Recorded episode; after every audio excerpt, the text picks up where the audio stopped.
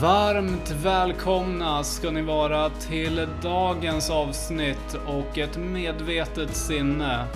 Det här är podden för dig som vill få personlig utveckling, en ökad medvetenhet och hållbara verktyg för ett ökat välmående och en rikare framtid. För dig som är ny här, varmt välkommen och eh, in och följ podden för att inte missa kommande avsnitt med intressanta och spännande gäster.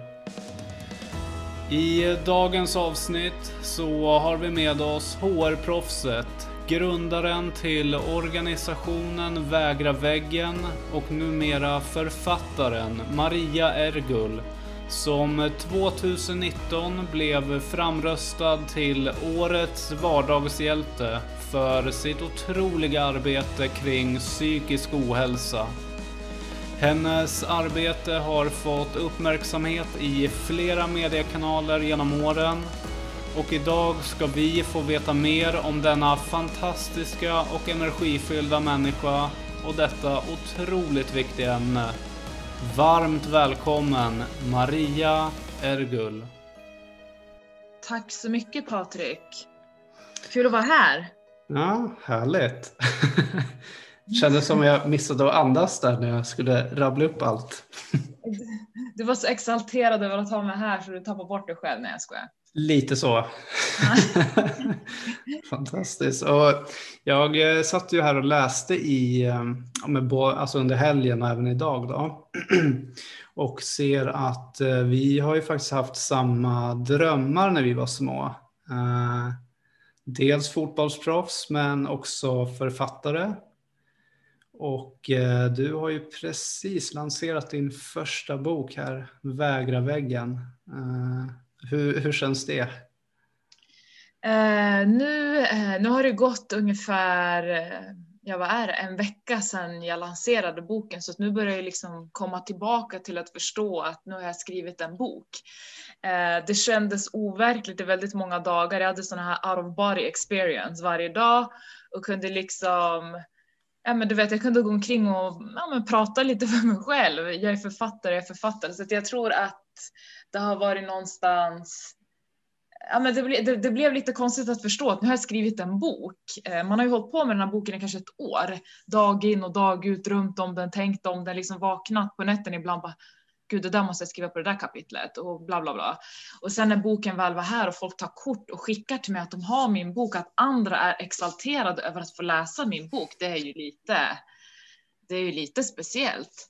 Och liksom eh, eh, ja, overkligt skulle jag nog beskriva det som. Det är fortfarande lite overkligt. Jag tror att det tar tid tills man förstår sånt här.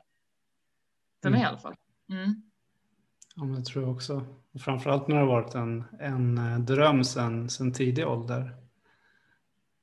Fram, precis, och framförallt när boken blir eh, väl emottagen. Jag var ju mm. nummer ett på Bokus topplista över mest sålda böcker inom genren ledarskap. Då blev det liksom så här wow hur mycket människor är det som köper den här boken?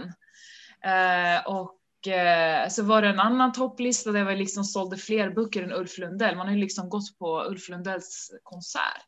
Så att det, det, det gjorde det hela ännu mer sådär ja, men, overkligt. Så att ja, det känns ja, det är stort. Kul. Jag, jag, är så tacksam för alla som köper boken, som berättar att de köper boken och som också talar om för mig vad de tycker om boken. Det är liksom Mm. Ingenting man kan ta för givet och ingenting jag tar för givet framför allt. Det är liksom hela min grej med, med Vägra väggen, att jag är tacksam för varenda människa som jag kan hjälpa och för varenda människa som är tacksam för det jag gör. För det är inte lätt att jobba ideellt kan jag säga. Mm. Mm. mm. Vad, vad, är den främsta feedbacken du har fått då? Eh, om boken? Mm. Eh, nej men du vet alltså folk eh, lämnar recensioner på eh, att de, de har hittat specifika kapitel som de bara känner wow. Eh, det här hjälpte mig så mycket, jag hade ingen aning om att det var så här jag kunde göra. Andra chefer säger att det här är boken som borde finnas på alla chefers skrivbord. Medarbetare som är på väg tillbaka från en utmattning berättar hur de har kunnat använda det här kapitlet rehab, sista delen av boken, det är tre delar, för att liksom kunna få en hållbar återgång. Andra har sagt att de har bara suttit och läst boken och bara aha, yes, ah, ja. Att det liksom har varit massa aha-upplevelser. Liksom, gud, det är precis så här det är. Igenkänning kanske man kan sammanfatta det med. Så att feedbacken har varit, eh, jag har inte fått någon feedback som inte har varit positiv hittills. Men man kanske inte delar med sig av den andra. Men det har varit väldigt, väldigt positivt och folk har också delat i sociala medier om hur bra de tycker boken har varit. Mm. Vilket är helt fabulous. Ja, det, är ju en eh, riktig succé alltså på, på bara en vecka efter publiciteten och topplistor och eh, få så här mycket otroligt bra feedback som att alla chefer borde ha en sån här på sin arbetsplats. Och ja. de här aha-upplevelserna låter verkligen som en bok som, som alla kan läsa också. Jag har skrivit boken på ett sätt så att målgruppen är väldigt bred. Alltså om du som chef eller HR eller fackligt ombud eller arbetsgivare har boken så kan du använda den för att förebygga stress. Om du som medarbetare köper boken så får du dels kunskap om vad stress är, liksom hela teoridelen bakom. Och sen så kan du också se hur din arbetsgivare faktiskt kan göra för att förebygga stress på arbetsplatsen, men också vilka legala rättigheter du har, hur du kan återhämta dig på arbetstid, hur du kan jobba med liksom prioriteringar. Så att alla målgrupper kan liksom i arbetslivet kan dra nytta av boken och det är det jag tror är det som gör att intresset för boken är stor, stort. Och eh, som person är jag lite, hur ska man säga, den är, boken är lättläst. Jag har liksom hållit mig på en nivå så att när man läser så vill man läsa mer. Att jag liksom någonstans har använt ett språk som man kanske har i krönikor. Ett snabbt språk med mycket, mycket metaforer. Inte mm. liksom så här trött akademiskt språk som man bara, my god, stäng den här boken. Så, att så har jag, det har varit min tanke när jag skrivit den boken, att man faktiskt ska kunna kanske, även om ämnet är allvarligt, skratta sig lite igenom boken. Låter sjukt, sjukt skönt. Väldigt, ja, men jag är lite, jag är lite sådär som person. person. Så att jag tror att känner man mig, läser man den här boken så kommer man säga att det är Maria Egu som har skrivit den. Ja, underbart. Härligt. Jag skryter om mig själv, det gör jag verkligen inte utan jag försöker bara. Eh, jag bara säger. Så, eh, ja. Ah, nej, men du ska vara stolt över dig själv. Herregud. Ja, Fantastiskt precis. arbete du gör. Så det är otroligt. Eh, jag har inte själv hunnit köpt boken ännu. Eh, men, nej men alltså Patrik. Ja, jag vet. Eh, eller den ligger på beställning men jag har inte fått den. Så. Räddning det. ja, eller hur. Ja, då har du författartiteln och arbetet check. Uh, hur är det med eh, fotbollsproffs då? Hur gick det med det? Um, jag sitter ju här liksom. jag håller inte på att förbereda mig för en OS i sommar i alla fall om jag säger så. Nej, okej. Okay. Nej, så det gick, eh, det gick spricka i höftbenet och karriären var över. Mm. Men du mm. Eh, spelade mycket fotboll som liten? Jag spelade väldigt mycket fotboll som liten och eh, jag var med i liksom länslag och den här typen av eh, klubbar, eller klubbar, den här typen av aktivitet. Jag var väl eh, Alltså som person är jag väl ganska extrem på allt. Om jag gör någonting så vill jag gärna vara bäst på det och så kämpar jag tills jag blir bäst på det jag gör. Det är en del av att jag också har varit utmattad, att jag har den den personligheten och det, det drivet. Så att, eh, nej men jag spelade fotboll i fram tills jag kanske var 18, 17, 18 någon gång, 19 kanske till och med. Jag kommer inte ihåg riktigt, men jag vet att jag bröt eller fick en spricka på två ställen i höftbenet och rehaben då skulle vara. Man kan ju inte gipsa en höft, Mm. Så att eh, det var eh, alltså flera års rehab tills man kunde ha rörlighet i höften på samma sätt och du vet, då hinner man ju bli 22, 23, då är det liksom mm. över tyckte jag då. Jag vill ju vara bäst eller så vill jag inte vara med. fattar igenkänning på den. Vad tror du om kommande EM då och Zlatans comeback? Ser du någon möjlighet där liksom att Sverige kan nå någon bra placering?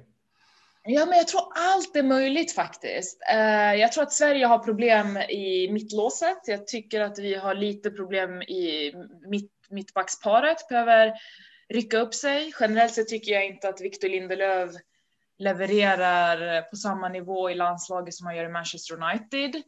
Eh, och Zlatan ser jag faktiskt som ett eh, otroligt bra tillskott. Jag ser dock att Zlatan kommer ha en roll mer som framspelare snarare än att han står i målprotokollet varje match. Och det tror jag är eh, otroligt viktigt för eh, det svenska landslaget. Han inger ju också någon pondus. Eh, när man möter Sverige, man vet att Zlatan Ibrahimovic är med, så kanske det också väcker någonting hos motståndarlagen. Så att jag är orolig för mittbackslåset. Och sen tycker jag Kristoffer Rosen ser svag ut på mitten. Annars tror jag att vi, vi har ganska bra chans. Vad tror du själv? Härligt. Alltså jag, tror, jag tror också, jag är lite inne på samma. Jag tycker Lindelöf är ju bättre i United, men det tror jag också beror på att han har uh, Maguire på sidan. Liksom. Han, har, han har lite mer Eh, inte för att säga att de svenska backarna är dåliga, men de andra har lite annan klass känns det som. Ja, annan nivå. Mm. Eh, men annars tror jag det, det kan ju gå, alltså det kan ju gå vägen, men jag tror inte hela vägen. Eh, det, det, det tror jag i så fall mycket är Zlatans pondus aura som i så fall gör att han liksom får med den här hela laget att också tänka och tro att vi eh, vi, vi kan nå toppen. Liksom. Det gäller att ha rätt attityd. Uh, ja, jag tror Zlatan är en vinnare, liksom. men jag tror inte Sverige mm. vinner EM. Jag tror att vi kan göra ett bra VM, EM. Jag tror att vi kan göra ett bra EM, men jag tror att uh, Holl, alltså, Holland farliga. Holland och alla? Mm. Ja? ja, kanske. Vad, vad tror du?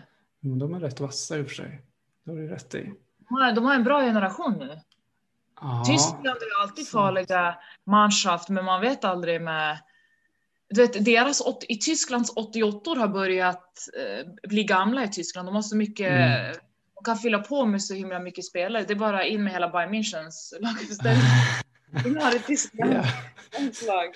Ja, det är, det är fördelen med dem att de spelar tillsammans hela tiden. Exakt, de är ihopspelta hela tiden. Behövs inga landslagssamlingar där de bara byter ut Robert Lewandowski mot Timo Werner eller någon och sen har de sitt lag. Ja, exakt.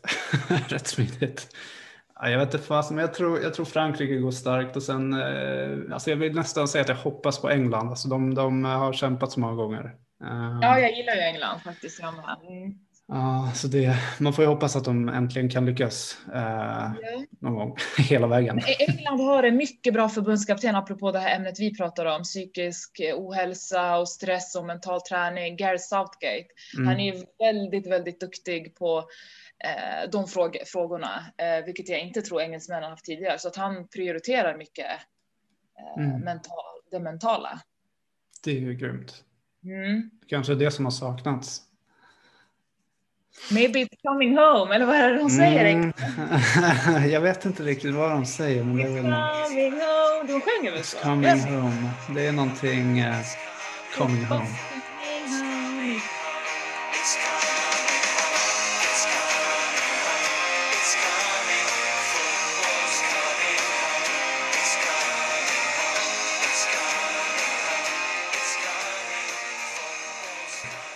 Ja, exakt. All right. Eh, om vi kollar på, alltså vi ska ju prata otroligt mycket om just ämnet eh, utmattning, psykisk ohälsa och stress här idag också. Eh, vilket är väldigt eh, igenkända eh, ämnen idag. Eh, dels tror jag att kunskap och information liksom sprids eh, mer än vanligt och sen har vi även kurvan som liksom fortfarande går uppåt eh, åt fel riktning. Liksom. Eh, men om vi backar bandet lite så, som du själv var inne på, så har du jobbat inom HR under en, en längre period. Eh, men för några år sedan så sa du upp dig och startade organisationen Vägra väggen. Tänkte att du skulle kunna ta med oss lite där på den resan. Liksom. Var, vad var det som gjorde att du sa upp dig och eh, vad är Vägra väggen för något? Uh, ja, nej men jag hade ju, uh, det var i många, många år som jag hade jobbat väldigt, väldigt mycket. Och eh, jag har inga problem att jobba mycket. Jag trivs ju när, när det är mycket att göra, men Eh, det var en sommar där 2016 som jag, eh, det var då jag, alltså officiellt höll jag på att säga, gick in i väggen, men det hade ju föregåtts av extremt många år av tickande stresssymptom. Jag brukar säga att stresssymptom är kroppens sätt att kommunicera Eh, om att någonting inte stämmer och de här symptomen varierar ju från person till person eh, och vad som, alltså, vad som helst kan stressa vem som helst. Det är också någonstans att man lägger en värdering, ja men vad då? Han har väl inte så mycket att göra eller vad då? Hon är väl inte så. Så att det, det är liksom extremt individuellt och i mitt fall var det så att mina stresssymptom eh, var mycket det här med, eh, jag är ganska speedad som person ska jag säga, ganska intensiv. Jag tror mitt naturliga jag skulle nog av, ah, men av sju av tio skulle nog kanske uppfatta mig som intensiv.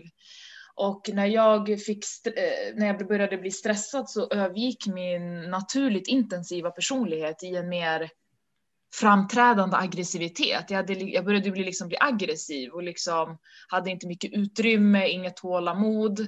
Och det här ansåg jag liksom bara var en del av, ah, ja, nu är jag förbannad på folk liksom. Eh, jag förstod inte att det kopplades till stress. Och jag hade också ofta problem med domningar i framförallt högerarmen. Jag kunde, när jag var och tränade så kunde jag liksom, ja men du vet när man skulle greppa vattenflaskan eller vad det nu kan tänkas vara, så kunde jag inte liksom riktigt greppa den och då kunde det vara så bara, ja men nu är jag stel i axeln och jag har överskattat min förmåga på gymmet och så jag hade de här typen av symptom. Jag hade liksom inte huvudvärk och jag var inte trött på det sättet utan jag var hyper, överaktiv.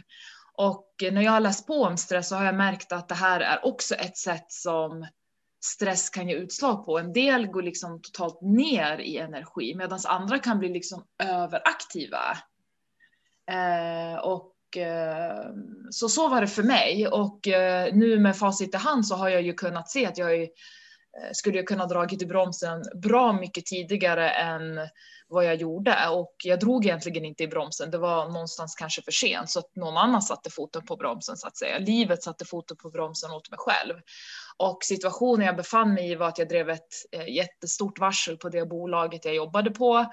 Och eh, när det var över så sa jag upp mig själv och någonstans ljög för mig själv om att jag behövde vila för nu hade jag jobbat så hårt i så många år, vilket i och för sig stämmer, men jag hade nog svårt att erkänna mig själv som eh, utmattad.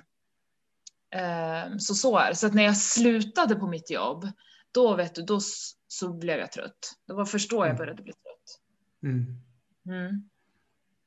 Intressant, för det är ju nog lite som du säger, man har lite eh, förutfattade meningar liksom om vad utmattning innebär. Att man verkligen så du inte orkar någonting. Eh, men att det också kan vara åt andra hållet, att man eh, blir hyperaktiv och mm. försöker hinna med ännu mer. Exakt. Och det kanske också är någon form av ens egna inre, nu tänker jag bara att det kanske är liksom ens inre sensor som på något sätt liksom antingen eh, fight or flight systemet går igång och eh, säger att kämpa på ännu mer, du måste leverera. Um, så det är väl någon form av liksom skydd mot sig själv. Att antingen så väljer man att bromsa eller gasa. Um, men egentligen borde man stanna.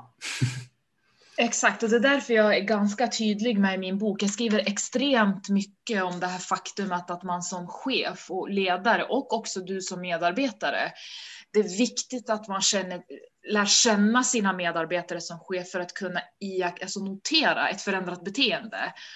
Om till exempel personer i min omgivning eller min chef eller någon annan hade känt mig, liksom vetat att det här är Marias normala jag, då hade man ju noterat ett förändrat beteende och den förändringen som man noterar, vad är det ett resultat av? Är det stress? Trivs hon inte på jobbet? Har hon problem privat? Oavsett vad det är så får du en konsekvens på jobbet och då blir det ju så att arbetsgivaren ändå behöver reagera. Många arbetsgivare är liksom så, men han har problem med sin fru eller hon har problem med sin man eller sitt barn. Det, det kan inte vi göra någonting åt. Ja, men om det är så att man har problem privat, om det liksom påverkar jobbet, ja, men då måste du agera på det. Och det betyder inte att du ska sätta ner paret och bli någon relationspsykolog. Utan hur kan jag underlätta på jobbet i en övergångsperiod om en person har problem privat? Då kanske man tar sig ur det och sen så slipper man en sjukskrivning istället för att mata på på jobbet och sen har den här personen extremt mycket grejer privat och sen så blir det bara pannkaka av allt. Mm. Eh, så att det är just det här att man eh, jag menar hur många känner sina anställda mer än tilltalsnamn? Eh, och, och, det är inte många. Man har inte koll på, man kan jobba med folk i 20 år, man vet ingenting om dem. Mm. Mm.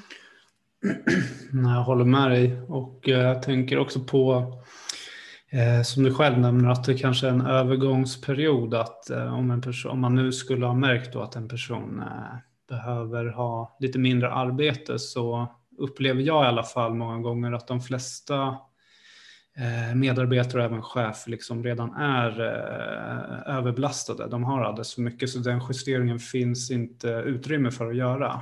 Eh, det är i alla fall en upplevelse jag har att det snarare liksom är eh, blir total krasch, liksom. någon får gå in i väggen. Det är liksom lite så det ser ut. Ja, det, det känns nästan som att man väntar på att någon ska gå in i väggen för att kunna ta in en ersättare. För tills personen är där så kan man inte göra någonting, tänker man. Och det är liksom eh, idiotiskt. Mm. Och vi har ju sett det gång på annan här, att det inte fungerar och att det inte är hållbart. Så att någonstans måste man ju eh, våga arbeta långsiktigt istället för att låta den här kortsiktiga ekonomiska vinningen vinna. Man är liksom, mm. man tänker hundra meter i taget istället för att tänka liksom ett maratonlopp. Mm. För jag menar företag kommer inte jag tror liksom inte på, du vet vi lever också i ett land där, om vi jämför till exempel, jag har jobbat mot Indien och sådana här länder. Det här, de lever på ett helt annat sätt där man liksom jobbar hårt och sen går man hem. Här är det ju lite annorlunda. Här har vi ju liksom, vi fikar med kollegor, vi har fritidsaktiviteter. vi har väldigt mycket annat som tar tid. Eh, som gör att det, det liksom någonstans öser på. Och Eh, jag tror också väldigt mycket det här med att vi vi vågar liksom inte ge utlopp för så mycket känslor och, och, om vi till exempel har en kollega som bara käkar en apelsin på, på kontoret, om den sitter bakom en, liksom skärmväggen bakom och det kommer massa apelsindoft och eh, man inte tycker om det. Alltså det är knappt någon som vågar säga till om det där, men man går omkring och irriterar sig. Och det här bygger också på liksom massa irritation för att vi, vi, vi är så konflikträdda, att vi ser ja, men jag vill inte att du äter apelsin här för jag tycker inte om doften. Det är en konflikt här. Mm, mm. Det, det, är någonstans någonting man märker otroligt, otroligt tydligt när man börjar jobba globalt. Mm. Att i, i, ofta i Sverige när vi tycker olika en sakfråga upplever vi att vi är i en konflikt. I andra länder upplever man bara att man tycker olika en sakfråga. Mm. Det har jag märkt är en jättestor skillnad. Att man liksom känner direkt att om jag säger nej, jag kan inte göra det här, ja men då har jag varit en otrevlig kollega. Mm, ja, men jag håller med dig där och det tror jag också, eh, alltså som jag har märkt som eh, jobbar ju eh, inom utbildningsbranschen då mot eh, flertalet skolor och kommuner och eh, eh, då jobbar jag väldigt mycket med medarbetarna där med att eh, utveckla och effektivisera arbetssätt. Då. Och det var ju alltid en kamp med att vissa kanske då vill eh, eh, ha mindre arbetsuppgifter eh, som de själv tyckte då att chefen skulle göra, men de sa aldrig det till chefen. För det, det var alldeles för läskigt att berätta liksom vad man tyckte och tänkte. Man skulle liksom kanske se dålig ut. Eh, och samma som du nämner om man eh, sitter i öppet landskap som också har varit ganska populärt men visat sig negativt också. Eh, så är det kanske någon som låter men då sitter man och irriterar sig men säger inget. Eh, vad, vad, det, vad kan man göra åt den situationen då? Alltså det handlar väl mer om individen, liksom, hur man ska kunna kommunicera eller hur ser du på det? Ja, alltså precis. Det är vissa personer som är mer konfrontativa än andra av naturen. Men jag tror också någonstans att man kan Eh, man kan jobba med det här att ha ett tillåtande försöka ha ett tillåtande arbetsklimat. Att det liksom att man som arbetsgivare någonstans välkomnar personer att eh, ja, men om, man, om man tycker att det är för mycket, att det är någonting eh, man välkomnar att folk lyfter till en. Inte liksom, ah, nu kommer den där medarbetaren som tycker det är för mycket igen. Så att när man liksom någonstans skapar ett tillåtande klimat, då kommer ju medarbetare också förstå att okej, okay, om jag till exempel går till min chef och säger att ah, men jag tycker att det är eh, otydligt eh, i mina arbetsuppgifter istället för att den chefen då ska ta det som kritik. Aha, nu tycker att jag inte är bra som chef och inte ens kan skapa tydlighet för dig, kan ju liksom vissa chefer mumla för sig själv. Och ja, men alla andra tycker att det är tydligt och det är bara du som inte tycker att det är tydligt, att det är någonstans då medarbetaren som är trög. Men om man jobbar med att någonstans eh, skapa ett tillåtande klimat så tror jag att ganska många fler kommer våga uttala sig. Vi pratar ju mycket om det här med att det är högt i tak vi, i Sverige har vi högt i tak säger vi. Det är lite så här av en sjuka man slänger sig med för att eh, man vill framstå som bra. Men egentligen har man inte tänkt igenom vad högt i tak betyder. För mm. högt i tak betyder att man ska få komma och säga att jag tycker jag har för mycket och det ska vara okej. Okay. Att man kommer med, ja men det är otydligt i min, eh, liksom min, min, min arbetsroll är otydlig. Eller att om man till exempel har konstruktiv feedback att ge sin chef då kan man inte sätta högt i tak om man skjuter budbärare när det kommer med de här grejerna. Och det är det som jag tycker är otroligt, otroligt tydligt eh, på de, de, flesta arbetsplatser att högt i tak, det säger vi. Jag vet inte hur många som faktiskt har det. Mm. Mm. Så tänker jag kring det. Att jag, jag tycker det är en otroligt viktig faktor i det här med att jobba förebyggande mot stress. Högt i tak. Våga prata om att det är lite mycket eller att jag har ganska lugnt Mm. Båda delarna är viktiga, för ingen vågar säga att man, ja men jag har en ganska balanserad arbetsdag. Och då vågar man ju inte säga, för då tror man att man ska få jättemycket mer att göra från någon som har jättelite, eh, för mycket att göra. Så att det är någonstans, eh, jag kan berätta en rolig grej, jag har skrivit om det i min bok faktiskt. Det finns en modell som jag har kallat för temperaturen. Och den är baserad på en känd modell där man någonstans eh, jobbar utifrån färgsättningarna gul, grön och röd. Och eh, den, den handlar någonstans om att man ska eh, ja, men alla medarbetare i ett möte, ett möte ett team ska liksom i början av arbetsdagen eh, ja, men berätta lite grann om hur de upplever sin arbetssituation. Och då betyder ju liksom röd färg att man har, om man sätter sig själv som röd, då betyder det att man kanske har ganska mycket just nu och att man tillsammans med sin chef kanske behöver sätta sig ner och fundera över, behöver vi prioritera om? Har medarbetaren för mycket att göra eller saknar medarbetaren förutsättningar för att göra sitt jobb? Och då behöver vi justera det med. Och sen brukar de också ha en gul färg som är lite mittemellan och en grön färg. Och det intressanta här i min tappning av den här modellen är att jag förtydligat att grön färg det är liksom målbilden. Det innebär mm. inte att medarbetarna har utrymme för att ta sig an fler arbetsuppgifter, utan grönt är ju liksom någonstans situationen är balanserad och då är det bra. Folk mm. vågar inte sätta sig på grönt för att då tror ju andra att ah, men nu har den här för lite att göra. Och på samma sätt så sätter sig de allra flesta i en sån här modell sig på gul, för då tar man inte ställning ja, men det, det är lite mycket, men jag vet inte riktigt inom vad. Men det är heller inte grönt för att det är inte riktigt skönt. Mm. Så att därför har jag tagit bort den här. När jag kör den här modellen så har jag inte gult, utan man måste våga ta ställning. Har jag för mycket eller är det balanserat? Mm. Och då, när jag har kört det här utan den gula, ja, men då efter ett par veckor när folk börjar lita på varandra, då börjar vi se vad det är som händer. Speciellt när folk också märker att jag som anger mig som grön, jag får inte mer arbetsuppgifter utan då är det bra. Utan man fokuserar på de här som eh, är röda. Så att mm, mm. den är otroligt bra. Gratis, effektiv, du behöver inte göra någonting mer än att eh, anordna ett möte på tio minuter på morgonen. Mm. Mm. Alltså, det låter ju sjukt bra. Uh, det är det... sjukt bra. Ja, det är sjukt bra. Jävla bra. Vad härligt.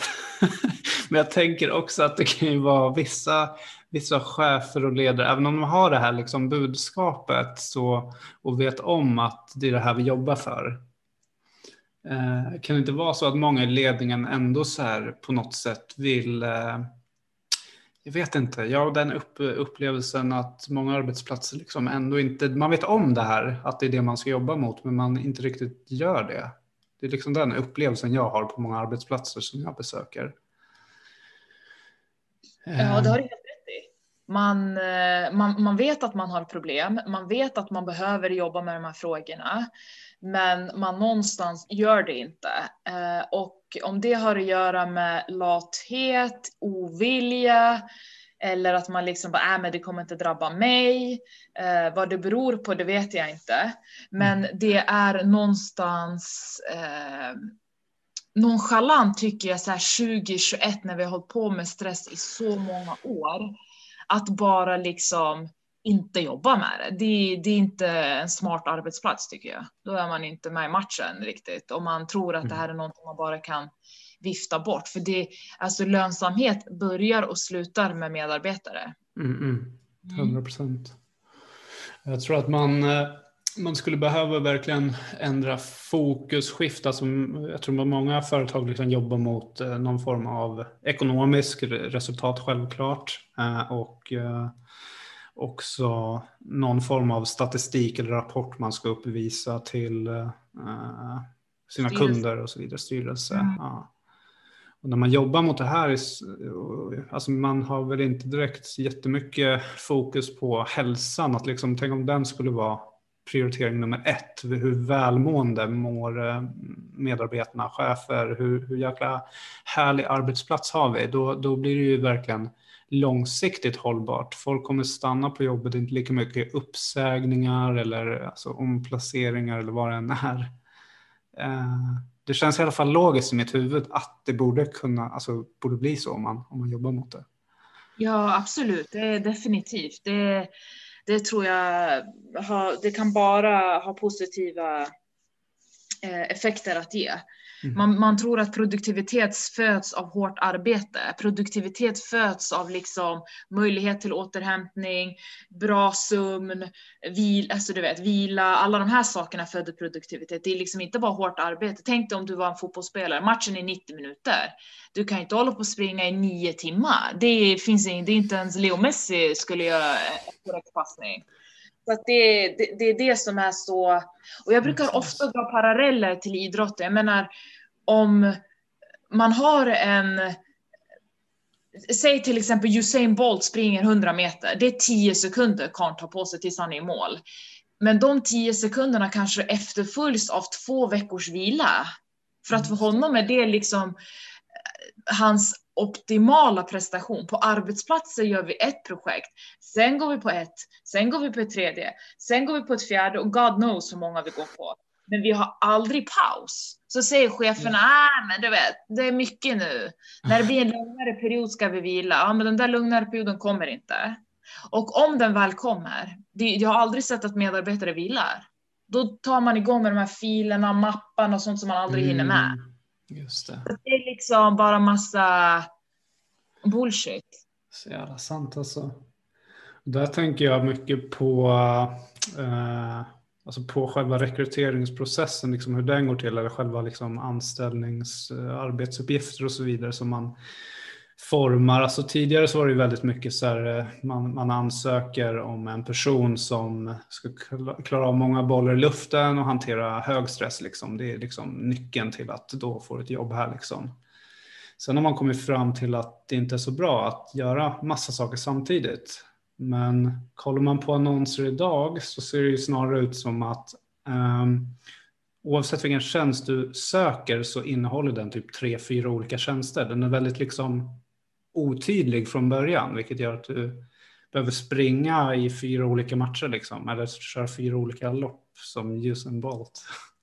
Ja. um, har du någonting där, liksom, vad tänker du om själva rekryteringsprocessen för att liksom kan det vara en, liksom en nyckel till att liksom få in rätt folk på rätt plats och liksom forma företaget på ett annorlunda sätt än vad vi gör idag?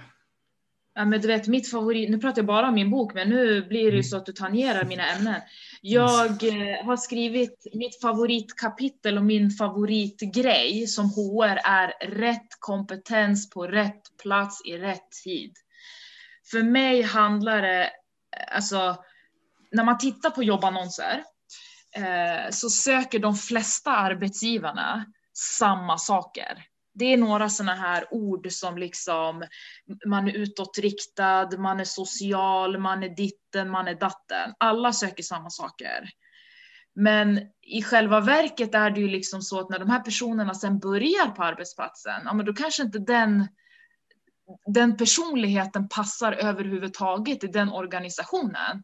Och någonstans då allting man har rekryterat personen för försöker man då tysta ner och tona ner. Nej, nej, men så där har vi, gör vi inte här och du måste tona ner och nu tar du för mycket plats och du vet. Och, och då börjar det ju någonstans en, en negativ, negativ spiral redan där, att man söker en människa som inte existerar. Man brukar skriva att man söker en person som kan hålla många bollar i luften. Ja, men är det, är det ens en bra person? Vem, vem kan hålla bollar i luften? Typ en jonglör på cirkus. Du vet, det är när man har bollarna på marken man har kontroll. Så att allting börjar egentligen i rekryteringsprocessen, att man måste söka en person som faktiskt passar i den organisationen den ska jobba i. Och här brukar jag faktiskt dra ett exempel, jag vet inte om alla som lyssnar gillar fotboll, men metaforen blir så tydlig att jag vet inte om du minns, men Zlatan Ibrahimovic blev ju värvad till FC Barcelona. Mm. Och eh, han anses ju som en av världens bästa fotbollsspelare på sin position. Och FC Barcelona är ett av världens bästa klubblag. Och så kommer han dit. Ja, det kanske enligt uppfattning från media här nu då så är det ju så att Zlatan passade inte in i Barcelona. Sen kanske han har en schism med Guardiola på den tiden, tränaren för de som inte vet. Eller med, med men han, han, passade inte in i spelet. Så det ledde ju till att Zlatan inte mådde bra, den mådde inte bra och till slut fick den personen lämna, trots att han är den bästa på pappret. Och samma sak är det ju i arbetslivet med. Jag kanske, du kanske är en fantastisk HR Patrik, men om du ska börja jobba på ett företag som inte är lämpat för dig, ja men då kan ju du vara en eh, direkt katastrofal HR. Och så mm. börjar du må dåligt och arbetsgivaren får inte ut det de vill av dig. Så att jag tror att psykisk ohälsa och stress undviks redan, kan undvikas redan i rekrytering. Om man eh, söker det man faktiskt behöver och det som finns, eh, det man har utrymme för när den personen väl börjar. Jag minns att när jag gjorde min, skrev min bok så sökte jag på det här. Typ hur många platsannonser har liksom eh, eh utåtriktad sökes. Det var över 126 000 träffar. Och sen så sökte jag på liksom inåtriktat, sådana här som kanske inte är lika, det var typ nästan ingen träff. Men jag menar varför behöver man vara utåtriktad om man ska sitta och liksom hålla på och skruva på någonting? Man ska inte prata med någon annan än skruven. Mm. Förstår du då att, mm. förstår vart jag vill komma till? Man försöker mm. få in en fyrkant i ett runt hål. Ja. Mm. Sjukt bra, sjukt bra exempel. Mm. Det här är mina metaforer. Ja, riktigt bra. Jag gillar det. Jag gillar ju fotboll också så det passar ju perfekt. Jag tror många känner igen det också. Även om man inte gillar mm. fotboll kanske man förstår. Det blir tydligt mm. på något sätt. Ja men verkligen. Uh, och uh, alltså det är en annan sak som jag också tänker på kring just um, alltså när man tar arbete som jag också tänker att uh, alltså en chef och en ledare, alltså om vi börjar med att vi, vi är ju liksom, människan är ju ett flockdjur liksom. Och sen har vi en chef och en ledare på var, varje arbetsplats som ska leda gruppen och flocken. Och många chefer och ledare, om man liksom pratar generellt med människor, så upplever vi väldigt många att en chef och ledare inte är jättebra. Ah, jag tycker inte om min chef, ah, min chef är inte så bra, jag kan inte prata med min chef, eh, får man höra. Och eh, jag tänker att där någonstans kanske också ligger någon form av Eh, problematik att en chef och ledare kanske inte har liksom det här antingen stödet eller liksom kunskapen om att liksom skapa en bra grupp eller att de kanske har alldeles för mycket på sitt bord. Um, upplevde vi vid ett par tillfällen att många chefer själva är stressade och uh, upplever att det mesta är akut. Eh, då sprids ju det här, tänker jag, till, till alla i gruppen. Om chefen liksom alltid jobbar övertid eller du vet, alltid på, på varenda boll, då ska man ju leva upp till den förväntningen. Det är också någonting, tänker jag, som du... Eh, ja. Men det håller jag med dig om. Eh, generellt sett så är det ju så att man brukar säga att stress smittar. Eh, är det så att chefen är stressad så sipprar det igenom i organisationen. Och eh, man kan inte någonstans vara en ledare eller en chef och säga att jobba inte efter eh, ordinarie tid och vilken tid det nu är. Och sen så dimper det ner ett mejl klockan 22.00 på kvällen med chefen som avsändare. Mm. Någonstans sätter ju chefen standarden i gruppen och liksom det, det, som chefen gör blir kutym i arbetsgruppen. Får man ett mejl 21 på kvällen eller 22 på kvällen, då finns det någonstans, eftersom vi har jobbet i fickan för de tjänstemän som då jobbar eh, med mobil och så vidare. Det är inte kanske lika gångbart för personer inom vård och så vidare, men tjänstemän det är ju mobiler, man har ju jobbet i fickan och då kanske man känner oj gud nu fick jag liksom ett mejl här, förväntar sig chefen att jag ska svara eller vara medveten om att det här mejlet har skickats. För att ibland kan man ju komma till kontoret på morgonen och liksom bara stöta på den där chefen. Bara, ah, men såg du vad jag mejlade? Nej, jag brukar inte läsa mina mejl 22. Så att det är liksom, eh, det, problemet börjar ju någonstans att ledaren behöver, du kan skriva det där mejlet på kvällen om det är det du behöver för att få ditt liv att gå runt. Men tryck på fördröjning, det är därför vi har teknik, för att vi ska använda den. Mm. Eh, det här är liksom en enkel grej, man behöver inte skicka mejlet 22, du kan fördröja det så att någon får en 07.35 om du nu behöver skicka den så brådskande. Så att eh, så tänker jag, men jag kan ju säga att det är ytterst få gånger jag inte har fått mejl från chefer på kvällstid. På mm. alla arbetsplatser jag varit har det aldrig varit en enda chef som inte mejlar på olämpliga tider. Mm. Ja, så är det, ju... och jag tror inte jag är ensam. Nej, jag tror inte heller det. Jag tänker också, alltså man kan alltså fördröja mejlet. Om jag skriver ett mejl till dig nu så kan jag schemalägga att det ska skickas imorgon. Eller? Exakt. Ja, det är ett väldigt bra tips. Um, Superbra. Och eh, jag tänker på det här, eh, vi pratade just om, eh, du var inne på det, rätt, eh, rätt person på rätt plats i rätt tid. Hur, eh, hur ser du att vi kan få det? Eh, det har jag skrivit om i min bok faktiskt. Nice. Nej men det är sant, jag har ett kapitel som heter så. Mm. Och jag, jag, ser att vi kan få det om vi börjar eh, om vi fokuserar på vad vi, om du tänker alla företag, eh, de är ju olika. Alla har sin egen kultur, alla har liksom eh, jag menar, tänk på alla arbetsplatser du har varit på. Jag tänker på alla arbetsplatser jag har varit på. Det är ingen som jag bara, men ah, här är det som det var där och här är det som det var där. Alltså betyder det att vi söker olika typer av personer. Man måste först vara ärlig om vad är det jag egentligen behöver för att komma tillbaka till exempel med Zlatan. Vi jagar inte den som är bäst. Försök ta reda på vad du behöver och hitta den som är bäst för dig. Den personen kanske inte är bäst på papper, men den kan vara bäst för dig. Och då börjar vi närma oss rätt person på rätt plats. Sen är det också så att många ser det här med rätt person på rätt plats som en engångsövning, att det gör vi när vi rekryterar. Men jag menar företag förändras, Mål förändras, arbetsmetoder förändras, teknik utvecklas, vilket betyder att en person som en gång i tiden var rätt behöver inte alltid vara rätt för resten av livet. Då betyder att företaget står still och människan står still. Så att det här med att utvärdera kompetens är någonting som också måste ske eh, löpande. Jag brukar säga att utveckling och avveckling går hand i hand. Vi är livrädda för att avveckla människor i Sverige. Det är som, ah, vi kan inte avveckla någon. Men det, det är någonstans, eh, är det så, alltså man kan inte alltid vara rätt för det, för det jobbet man har. Då betyder det att jobbet är fullständigt statiskt och människan är statisk. Då betyder det också att företaget inte utvecklas. Mm. Så ser jag det. Mm. Sjukt bra. Håller du med eller vad säger du Patrik? Alltså jag håller med dig. Jag tycker att det är otroligt viktigt. Uh, jag tror också, alltså, jag tänker just med reflektion och som du nämnde, liksom att eh, alltså se över kompetensen löpande. För nu känns det som att man har eh, kallas för medarbetarsamtal som man har en gång per år med sina medarbetare där man liksom följer upp en gång per år. Det är lite för lite alltså. Man behöver nog ha lite mer koll eh, på liksom hur, hur sina medarbetare mår och vilken väg är de på väg mot. Känner de sig eh, eh motiverade med sina arbetsuppgifter eller kan man justera det på något sätt? Eh, det känns som att det saknas i, i många företag. Ja, absolut. Jag tycker det här med årliga medarbetarsamtal, det är lite grann, apropå metaforer, det är lite grann som att tro att ett äktenskap ska hålla om man bara visar kärlek för varandra på årsdagar. Det funkar inte.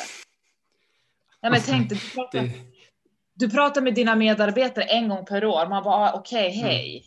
Mm. Och dessutom är man stressad i det där mötet för man vill bara bli av med det för att kanske HR jagar en att nu måste du ha ditt medarbetarsamtal. Mm. Och det är liksom, jag tycker sådana där samtal ska vara en gång i veckan, en gång varannan vecka, 10-15 minuter, ta varandra på pulsen, gå vidare i livet och, och liksom ha koll. Mm. För att det, det, det ett, ett helt år, alltså vi hinner ju liksom, ja du vet ju vad vi hinner göra på ett år. Det var ju en pandemi, säga. Ja, det hinner ju hända en hel del. Ja, det alltså. hinner hända corona och allting. Mm. En annan sak jag tänkt på som, som jag hade på en tidigare arbetsplats där vi, eh, många, många upplevde att de jobbade man hade heltidstjänst men jobbade ungefär 120-150 procent var liksom själva upplevelsen bland de flesta medarbetarna. Och eh, jag försöker liksom förespråka att för att få liksom effektivitet av medarbetarna och framförallt välmående, att de stannar och mår bra och utvecklas i sin takt, att man behöver liksom jobba på ett sätt med arbetsbeskrivningarna och arbetsbördan, att man kanske Säg att du har en heltidstjänst, att du faktiskt har 80 procent som du utför arbete på. Om man rent liksom tar det på arbetstid, att så här mycket hinner du på 80 procent, men du har 20 procent till godo för vila. Ehm, för då har man också tid att om det nu skiter sig någonstans, då har de utrymme, vilket man inte har idag. Ehm, men, men där ser ju många företag kanske som att det här kostar ju skitmycket pengar. Vadå, ska vi bara ha folk glida runt. Ehm, det är lite så det tänket jag har fått i, i respons. Liksom. Um, hur tänker du liksom kring de bitarna med att liksom den här arbetsbördan, att liksom kunna få, få en bra balans? Finns det någon, har du något verktyg eller tips där?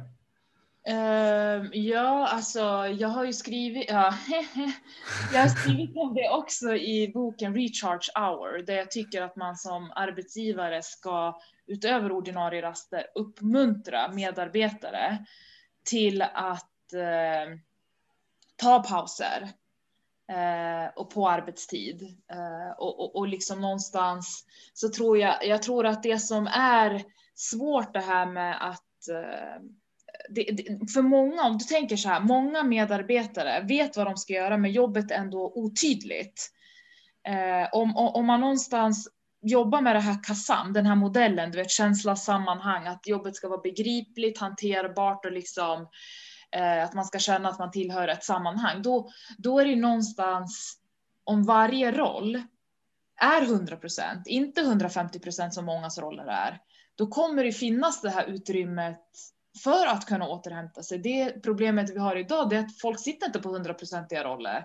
Vissa jobbar 35 procent fast de har 100-procentiga roller andra jobbar 165 procent för att en annan inte kanske 100 procent gör sitt jobb. Det är lättare att liksom då eh, överbelasta en högpresterare på bekostnad av att en annan kanske inte riktigt gör sitt jobb för att den vågar man ju inte gå på för det blir obagligt. Mm. Så att jag tror att det här med att kunna återhämta sig på jobbet måste ske i liksom i en större kontext för att förstå vad är det som gör att alla har så mycket att göra hela tiden.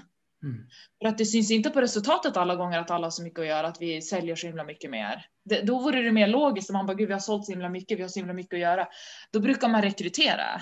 Mm. Nu är det mer att känslan är bara att alla har, hur många, om vi säger så här, hur många har du träffat som du frågar ja, men hur läget är, men det är lite mycket nu? Det är väl i princip Alltså alla. de flesta, ja. ja. Mm. Och alla kan inte ha lite mycket nu hela tiden. Så frågan är vad är det som är för mycket? Är det känslan av att det är för mycket för att man inte har kontroll? Eller har man helt enkelt för mycket? Eller har det blivit ett svar vi behöver ge för att det är det svaret som förväntas i det här prestationssamhället som vi Exakt. Det, vad, är, det, vad är problemet? Det där har jag tänkt också på extremt mycket. För det, jag, jag tänkte på det för några år sedan. Just det där att många liksom svarade, ja men det är lite mycket nu. Jag tänkte, vad fan säger folk så för? Alltså, är, är det så att de har sjukt mycket? Eller alltså, jag har ju lika mycket. Eller vad, vad är det som... Varför säger man det? Är det liksom, har det blivit någon standard att liksom man, det är det svaret? Um, så jag försökte typ vända på det och säga att det är lugnt. Oavsett om det kanske ibland var sjukt mycket. Så jag säger, nej men det är lugnt. Det är lugnt. Det, det gav en bättre trygghet för mig också. Uh, lite mer avslappnat. Men jag tror också det är väl det också med att många inte har tid att stanna upp och verkligen så fråga hur man mår. Um, och verkligen checka av läget. Man frågar hur folk mår, men jag vet inte hur många som är intresserade av att få ett svar. Man vill bara, ja ah, men det är mm. bra. Mm. Jag vet inte hur många som bara, men hur mår du? Äh, men jag känner verkligen att jag behöver prata. Jag vet inte hur många som skulle vilja stå kvar i, i, det, i det svaret. Så jag tror att det är liksom, alltså, hur mår mm. du? man, man förväntar sig att andra ska svara det bra. Nej, exakt. Mm. Ja, mer, mer tid för eh, att checka av eh, känslor och välmående. Ja, alltså om du till exempel kunde ha som mål på medarbetare, inte mål, men liksom om det var en del av arbetsgivarens uppföljning på medarbetarna att någonstans, det skulle kunna vara liksom eh, om man har avdelningsmöten och börjar de här avdelningsmötena med att fråga liksom hur har återhämtningen sett ut i veckan? Vill någon dela med sig av ett bra tips på hur ni har återhämtat er på arbetstid här under veckan? Då börjar det bli liksom okej. Okay, folk vill veta det här, de tycker det är viktigt. Mm. Är det så att man absolut, det har vi inte tid med, det här har vi inte tid med prata om, då är det ju någonstans också så att då kommer ju ingen tycka att det är okej. Okay. Det ska ju liksom, om någon sitter och återhämtar sig på arbetstid, kanske gör någon övning vid sin arbetsstation eller sitter bara och andas ett tag och sen går andra kollegor omkring och bara, men gud, såg du Jonas, han gör ju eh, för tusan ingenting på jobbet, han bara sitter och hänger där. Mm. Är det så att det är liksom accepterat att det här är en del av vad vi gör på den här arbetsplatsen, ja, men då är det naturligt att folk lite då och då kanske sitter och andas. Mm. Och det är inga konstigheter. Kulturen, vi är tillbaka till kulturen igen. Mm. Ja. ja, det måste, jag känner att det måste in mer och mer. Alltså jag, jag har själv känt det på min arbetsplats, för att jag har ju verkligen eh, alltså på senare år så har jag blivit väldigt så här, eh, jag mediterar en stund på, innan möten eller alltså om jag känner att det är mycket så går jag ut och liksom tar en, en uh, nypa luft och bara andas eller jag tar en kaffe och snackar med någon. Uh, och man har ju verkligen märkt det på andra att det kan, de stör sig på det som att jag liksom inte har någonting att göra men det är ju där jag får min energi, det är det som gör att jag orkar. Det är det som gör att jag inte liksom går in i väggen. Exakt. Och det har att göra med en kultur att det är inte accepterat kanske att ta den där meditationsstunden som du tar för dig själv. Eh, om det hade varit accepterat, då hade det varit flera som här och var eh, tar lite meditationsstunder om det nu är val, eh, den metoden man föredrar. Så, så tänker jag. Så att eh, det är igen. Eh, mm. Eller kulturen på företagen. Mm. Mm. Om man kollar på liksom individer då, så finns det någon eh, är det någon speciell grupp som liksom hamnar i utmattning eh, mer än andra eller hur, hur ser det ut där? Uh, ja, men uh, jag tror att det är två, alltså.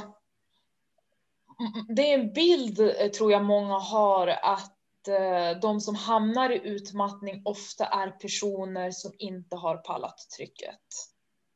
Och jag menar, vad är det för tryck man ska palla? Jag tror ju att personer som hamnar i utmattning är personer som har pallat trycket för länge. Så att jag ser två grupper, jag har skrivit om det här också i min bok Shocking.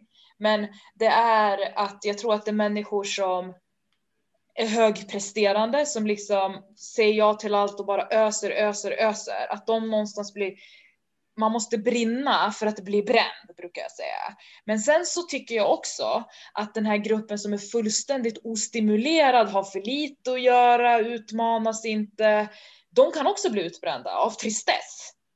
Det finns ett begrepp som heter bore out, som jag skrivit om i min, min bok. Det heter bore out på engelska, alltså eh, uttråkning, eller vad tusan det kan heta på svenska. Mm. Eh, den gruppen går också in i väggen av totalt den andra. Så de som är här i mitten, de lever eh, behagligt. Ja. Så det är extremister åt de båda hållen. Så jävla sant alltså. Jag tänker på ja. det också, det har ju mycket med eh, ens egen liksom, kompetens också. Alltså att man också blir, eh, får, eh, vad kallar man det, tillfredsställelse på arbetsplatsen. Att man ja. eh, att man Känna verkligen... sig behövd och liksom mm. att man bidrar istället för att gå omkring och bara vänta på nästa gång man ska få trycka på kaffemaskinen. Exakt. Ja, det går åt båda håll alltså, verkligen. Ja. Mm. Mm. intressant. Um, och um, du var ju lite inne på det liksom med um, alltså vanliga symptom och tecken. Uh, men skulle du kunna dra det igen lite grann kring själva liksom vad är tecken på att man är på väg till en utmattning och uh, vad kan man göra för att liksom inte hamna där? Finns det någonting man själv som individ då tänker jag? Man, du, du, menar liksom eh, hur man kan dra i bromsen? Mm.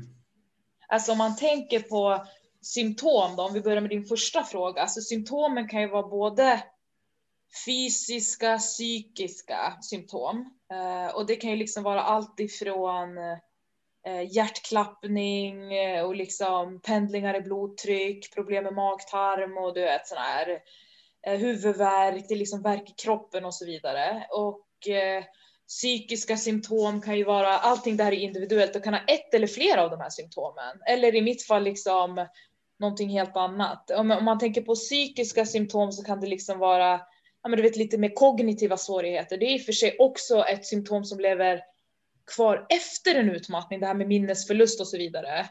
Ljud och ljuskänslighet har många både innan en utmattning och efter en utmattning. Mm. Eh, och sen är det dels är det liksom sömnsvårigheter samtidigt som man är extremt trött. Mm. Och eh, många får ångest och så vidare. Men jag brukar säga, eller jag brukar inte säga, det är inte jag som säger det här. det finns, jag har skrivit om det i min bok. Han heter Hans Selje. Selje. Han är en forskare som grundade den här stressteorin. Han beskriver stressen i tre olika faser. Där alarmfasen är den första fasen. Och i den här fasen är kroppen fortfarande anpassad för att kunna hantera stressen. Och det är liksom det här du var inne på, flight, eh, fight and flight, eh, du vet, förr i tiden när man såg lejon på savannen och man kände att man kunde hantera hotet och, och så vidare. Men det är liksom den kortvariga stressreaktionen på något som uppfylls hotfullt eller utmanande. Och det är egentligen här som man ska börja, okej, okay, se mm. över sitt liv. Vad är det jag liksom någonstans lägger min tid på? Eh, vill jag lägga min tid på det? Kanske börja blicka lite inåt. Vad har jag för värderingar i livet? Många är så här, ah, men familjen är viktigast, okej? Okay? Men när de tittar på hur de lever sitt liv så är de på jobbet dygnet runt. Så att i alarmfasen så är det viktigt att kanske sätta sig ner och se över sitt liv, tror jag. Liksom, hur lever jag mitt liv innan det börjar gå för långt? Börja prioritera bort saker eh, och ta tid för återhämtning. Om du får in 15 till 20 minuters återhämtning per dag så tror jag att du är i mål. Mm. Och de här, de här 15-20 minuterna återhämtning, innebär det också, alltså varje dag då med att reflektera över det som du var inne på, att liksom se över sin sitt tillstånd? Ja, men, nej men göra någonting som du tycker är återhämtande. Om du tänker så här sociala medier, Instagram. Mm. Alla scrollar minst 30 minuter på den där sociala medier. Det kallar de för egen tid. Men om de ska avsätta typ 30 minuter för återhämtning, då har de inte tid. Sant. Det är så folk är. Man är väl så jävla stressad för att missa saker också, tänker jag. Ja. Uh... Och det är det du behöver koppla ur för att kunna, alltså, re, vad är det de brukar säga, disconnect för att reconnect. Mm. Så att jag tror att du måste stänga av intrycken. Det är de här intrycken som gör en. Vet du vem Ariana Huffington är? Uh, nej.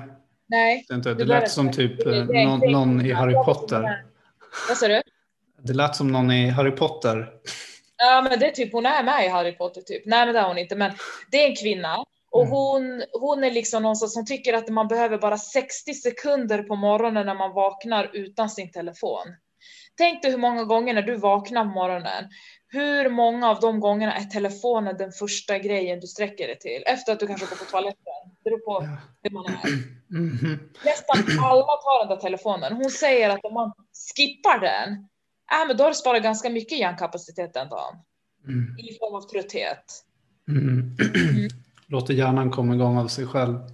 Ja, istället för att få in, du vet, då börjar du ju sätta igång kroppen. Du ser mail du har missat. Du går på sociala medier och ser att kanske någon har blivit skjuten. Eller det är terrorattentat. Mm. Eller vad det nu än kan ta. Då, då sätter du igång alla cylindrar på de här 60 minuterna, 60 sekunderna av scroll. Schmack. Så är du igång. Så är du igång liksom. Mm. Mm. Sjukt sjuk bra grej att uh, inte kolla mobilen på, på morgonen. Ja. Ehm, Jag skulle säga så, så länge man bara kan också. Alltså om du klarar av liksom en halvtimme utan det så asbra. Ja, och jag menar hon säger 60 sekunder för att det är liksom vad, vad man tror att människan har kapacitet för. Ja men make sense alltså. Det är väl typ det första man, alltså de flesta när man vaknar är liksom så man, man drar sig och letar efter telefonen för där är larmet också. Så då blir det Mm. perfekt liksom att så här, börja kolla lite saker. Och man kan ju skaffa larm, eh, förr, i, förr i tiden larm höll jag på att säga. Ja, men Mhm. en sån här liten klocka bara har liksom, eh, det är också bra för oss i Sverige som aldrig, vi lever ju i det hela tiden. Man skulle kunna ha de här larmklockorna som avger ett morgonljus. Just det. Mm. och sen skippa den där telefonen. Jag säger inte att jag är någon professor och gör det här, Mm. men eh, jag har mina moments. Mm. Mm. Sjukt bra. Är det någonting på kvällen också där tänker jag just med, alltså när man pratar om psykisk ohälsa, stress och utmattning så är det ju väldigt många som, som jag upplever som har sömnproblem också. Eh, har du någonting där också som liksom är värdefullt att så här, gör, gör det här på kvällen så, så kommer det eh, ge dig mer balans och harmoni? Uh, jag, uh, jag tror ju lite grann på det här med att man ska ha gjort en, för att jag, nu ska jag prata om mig då. Jag behöver ha gjort en fysisk aktivitet för att kunna sova bra. Och då menar jag inte att jag går på någon crossfit-pass pass som en gladiator, utan mer att jag gör någonting fysiskt. Det får mig att eh, slappna av.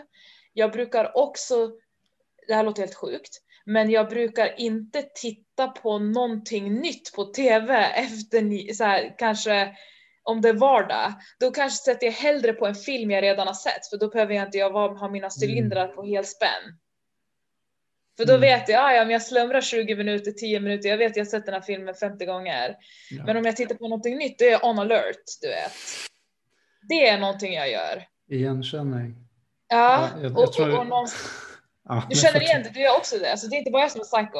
Ah, nej, alltså jag, jag vet inte hur många gånger jag drar på Avengers bland annat. Som är så här, jag har sett den Avengers, det är 318 000 det- det är din gånger.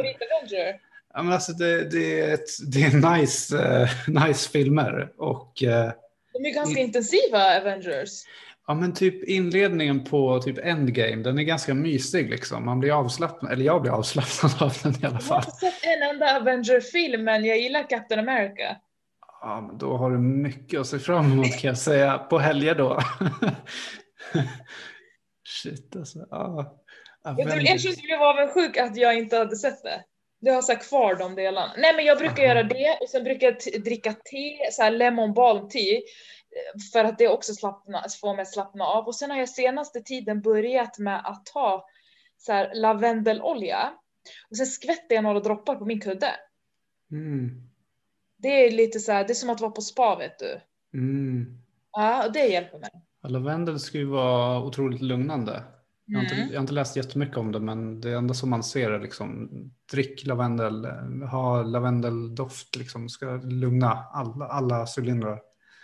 Absolut. Väldigt, väldigt, Mm. väldigt bra. Jag kan tipsa om det där med kudden, alltså det är, Mm. vet, man bara, så bra. Så att, och sen är det mycket det här att folk skriver tax, gratitude, tacksamhetsjournaler och liksom, jag är mer sådär att jag håller också på med sånt, men jag är mer att jag försöker inte vara uppkopplad så här efter nio, att jag någonstans då har stängt av allt mm, eh, som kan ge mig eh, sak, alltså actions. mm. Det stänger av någonstans.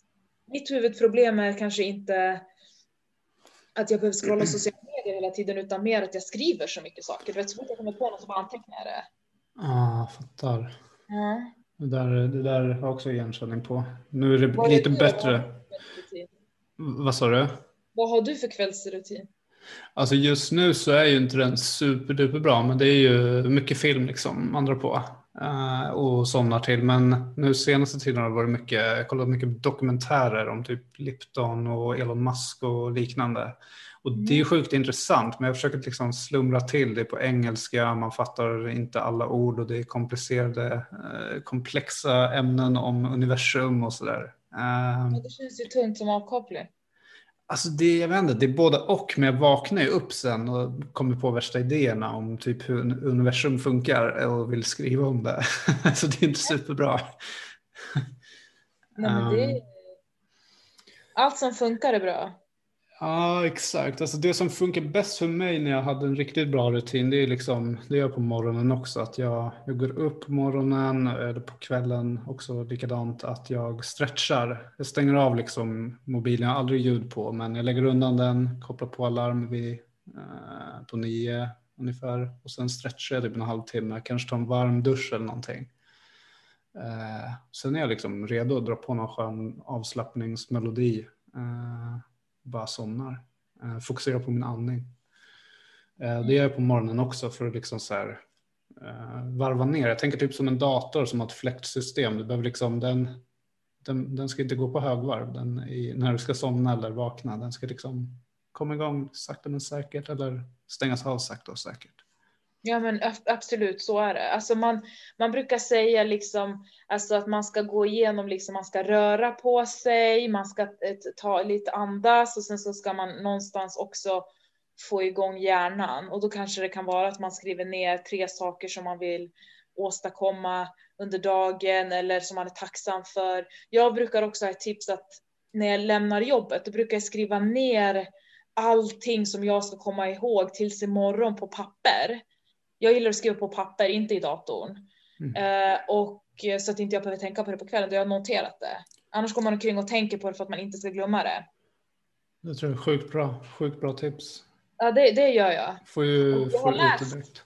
Ja, jag har läst någonstans att de som använder papper och penna, Mm. de kommer ihåg 85 procent bättre än de som skriver på datorn. Ja, jag har också läst det. Eh, och jag upplever det själv också när jag typ, eh, alltså om jag skriver för hand någonting, Mm. eh, snarare än att sitta och skriva på dator. Alltså det, det kopplas någonting i mig. Men det, jag tror att det handlar om att man använder sin fysiska kropp på ett annat sätt då. Vi är så kopplade till det, rent Ja. biologiskt. Mm. Mm. Så att, mm. Och, och de som, jag tänker också så här, måste jag bara gå in på de, eh, alltså om man nu faktiskt har varit utmattad eller är utmattad, du har ju själv varit i den situationen. Um, vad kan man göra där för att liksom komma tillbaka? För jag tror att ganska många upplever ju att man, man kanske tänker tillbaka och jämför med hur jäkla bra man presterar, hur jäkla dålig man är nu som inte orkar. Det kanske är sådana tankar som kommer upp liksom. Uh, hur, hur tar man sig liksom igenom hela den här biten och liksom orkar ta tag i livet igen? Ehm, ja, det är en stor fråga. Eh, om vi tänker på det första du säger, komma tillbaka. Jag brukar alltid säga att man ska inte komma tillbaka, man ska komma vidare. För tillbaka, då kommer man kanske tillbaka till ett beteende som en gång, en gång eh, gjorde en sjuk. Det är liksom kanske som en returbiljett till en ny utmattning. Men jag tänker att det viktigaste, för det, det finns liksom ingen one fit rule som passar alla. Men jag håller på och filar på ett stressprogram där jag kommer ha med ett x antal olika moduler som jag anser gör att man kan hålla sig på rätt sida av väggen. Och det jag har insett är att ett, det är att man måste acceptera sig själv som sjuk. Alltså att konstatera och acceptera att jag är utmattad, att liksom inte kämpa emot sig själv. Att okej, okay, jag är i den här situationen, det här har hänt, det har ingenting att göra med att jag är dålig, lat, utan snarare tvärtom. Man måste först nå acceptans. När man har nått acceptans så tycker jag personligen av egna erfarenheter och när jag träffar stressklienter och så här att rehabilitering är inte någonting man ska prestera i. Det är liksom ingen prestation. Det handlar inte om hur snabbt man återhämtar sig utan eh, en rehabilitering från utmattning i 10 steg fram, ibland 50 bak och sen 200 fram och 80 bak. Det, går, det är som en EKG-maskin, upp och ner, upp och ner. Så det behöver man också ta till sig. Sen tror jag att det är viktigt att man eh, kommer igång med att sätta rutiner. Eh, så att man kommer in i en eh, eh, någonting som liksom är rutinmässigt för dig. Du sover Mm. bra, äter bra, någonstans det. Men det är också viktigt att försöka hitta det som utlöser stressen så att du liksom någonstans kan antingen förändra din reaktion på det som stressar dig eller ta bort stressorn liksom. Stress, så. så att det är också väldigt viktigt att utreda vad är det som utlöser stress i ditt liv. Så att de här tre grejerna tänker jag på först och sen så skapas i rutin, fundera över hur vill jag leva mitt liv igen och det här är längre, längre fram i rehabiliteringen och liksom hur, sätta gränser både privat och på jobbet för sen när man kommer tillbaka och hur ska jag jobba med. Jag tycker gränssättning. Man jobbar otroligt mycket med gränssättning i USA till exempel. Boundaries, det är världens grej i USA. Här jobbar vi inte med gränser, för när man sätter gränser mot andra här anses man otrevlig. Mhm. Mm. För att det liksom om du, någon ringer dig och liksom behöver prata, du vet folk kan ju prata livet ur dig. Mm. Om sina problem och vi bara lyssnar. Men du kanske själv inte är på en plats fysiskt, psykiskt, där du orkar ta emot den här personens eh, ältande eller vad det nu kan tänkas vara. Mm. Och det gör ju att man sitter där och lyssnar så lägger man på sig man är utmattad. Och sen så fortsätter det så här. Så att jag tror gränssättning och liksom eh, det här med att börja med självmedkänsla, att behandla sig själv som man skulle en vän i samma situation istället för att hacka på sig själv att liksom någonstans försöka eh, omformulera sitt eh, self-talk, du vet, Mm. hur du pratar till dig själv. Mm. Eh, det tycker jag, har, tycker jag har varit väldigt, om jag bara ska nämna några saker, för det här är en stor, det är nästan ett eget poddavsnitt hur man tar sig vidare från en utmattning. Men eh, de- här sakerna har hjälpt, eh, har hjälpt mig väldigt mycket, gränssättning och självmedkänsla Mm. och hitta orsaken till stressen och eh, eh, ge, mig, sj- alltså liksom, ge mig själv möjlighet till återhämtning dagligen. Mm. Otroligt Mm. värdefulla tips. Sjukt bra. Ehm, jag tänker på också några sista frågor är kring, också ganska, alltså det är ju stora frågor, ett stort ämne. Men eh, hur, hur ser du på framtiden kring utmattning och den psykiska ohälsan? Och eh, vilka åtgärder ser du att vi behöver göra? Kanske då samhället eller politiker, tänker jag då. Eh, ja, det var en stor fråga. Eh, Jag ser framtiden. Um, ja, alltså jag ser ju liksom fortsätter vi tugga på som vi är nu så kommer det fortsätta se ut som, som det gör just nu. Uh, där tror jag liksom, precis som jag uh, försöker driva den här agendan så uh, ser jag att det behöver vara fler som driver den här ag- agendan, liksom att arbetsgivare bjuder till dans. Men jag ser ju det någonstans så här att så länge man kommer undan med att inte jobba förebyggande mot stress, så länge kommer de hålla på med det. Jag tycker att precis som man ska göra årsbokslut så ska man någonstans som arbetsgivare, det spelar ingen roll om du är kommun eller privat, någonstans ska man rapportera in hur man jobbar förebyggande mot stress. Och gör man inte det så ska det utgå någon form av böter, vite, det ska sanktioneras på något sätt. Då tror jag folk, man gör det man mäts på. Och så länge, du vet den här AFSen kom ju, den här eh, organisatorisk och social, den här att man ska jobba med förebyggande mot stress. Den finns och den ska man ju följa. Men jag har varit på tusen ställen där man inte följer den och det händer ingenting. Det är om man har otur och man blir utsatt för någon inspektion av Arbetsmiljöverket. Men jag menar, hur många sådana blir man utsatt för? Ja, mer sådana tror jag är viktigt. Ja, jag tror att det måste vara, det måste lagstadgas på något sätt så att det är obligatoriskt att man rapporterar in de här grejerna så att man kommer inte undan den Mhm. rapporteringen. Då tror jag att det kan börja hända saker faktiskt. Sjukt Eh, bra. Ja, ja jag, jag tror det. Eh, Mm. Annars tror jag att det kommer fortsätta lite så här och sen så tror jag också att vi behöver börja i mycket, mycket ung ålder. Alltså barn, när vi var unga, jag vet inte hur gammal du är men Eh, jag- 32. Ja, du är jätteung. Jag är 38 liksom. Mm, ja, jag- då är du också. Eh, Vi pratade aldrig om någon ångest eller stress eller utmattning eller jämförelse med andra eller good enough på jobb, på, i skolan. Jag tror ju tyvärr behöver det här in i, eh, i skolan. Jag tror också att man behöver in med det här med på universitetsstudier. Du vet, överallt ska det här in. Mm. Mm, så att folk är medvetna om att det här är en grej som kan hända dig. Japp. Jag håller med dig helt och hållet. Alltså skulle man få in de här delarna som du nämner nu så då, då tar man ju tag i problemet på riktigt. Mm. Mm. Jag fattar inte vad politi- politikerna gör. Jag förstår inte vad de håller på med. Ja, det är en bra fråga. Vi får, Troligtvis gör de ingenting. vi får försöka ta kontakt med någon här och fråga ut den. Ja, exakt. Vi får, vi får skriva, skriva en debatt, men du vet, reagera. Jag menar, det, det, det, det, statistiken säger sig själv. Det är ju år efter år dominerar stress. Så Japp. att eh, de verkar sova där, politikerna. Mm, ja, de ligger lite efter i, i, i den delen, helt Ja, klart. de har inte ens brytt om liksom. Mm. Får starta demonstration här. Ja, men exakt. Härligt.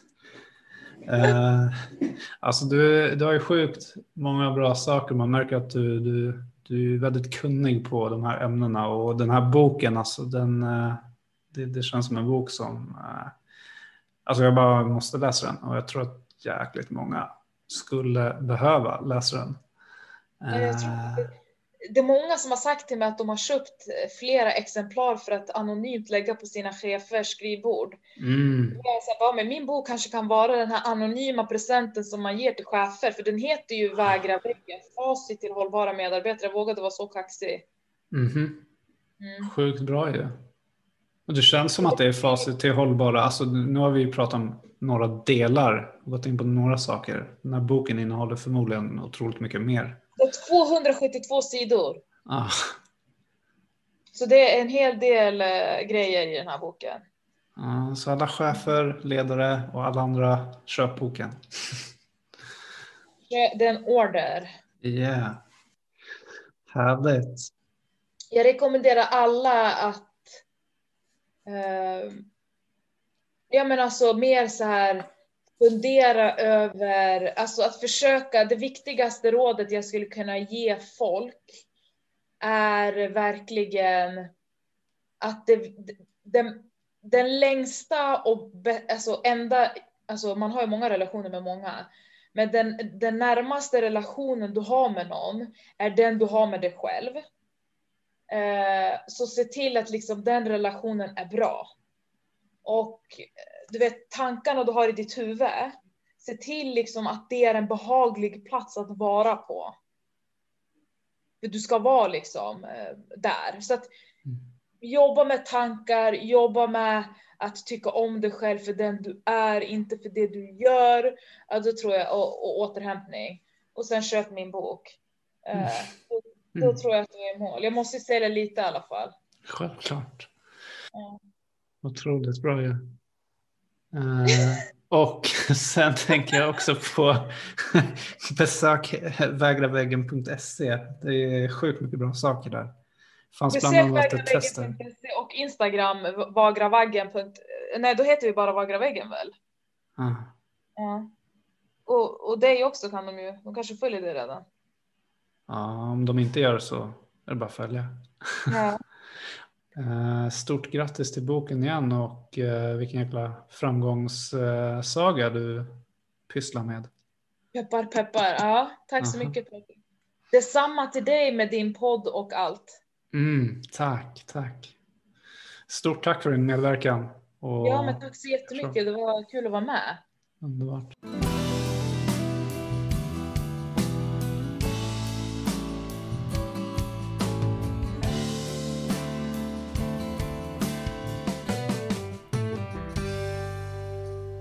Jag vill eh, tacka dig för att du har lyssnat och deltagit i detta avsnitt. Och eh, om du gillade avsnittet så glöm inte att eh, följa, gilla och dela podcasten. För att också bidra med att göra den synlig för andra. Till nästa gång, tro på dig själv, lita på dig själv och var dig själv.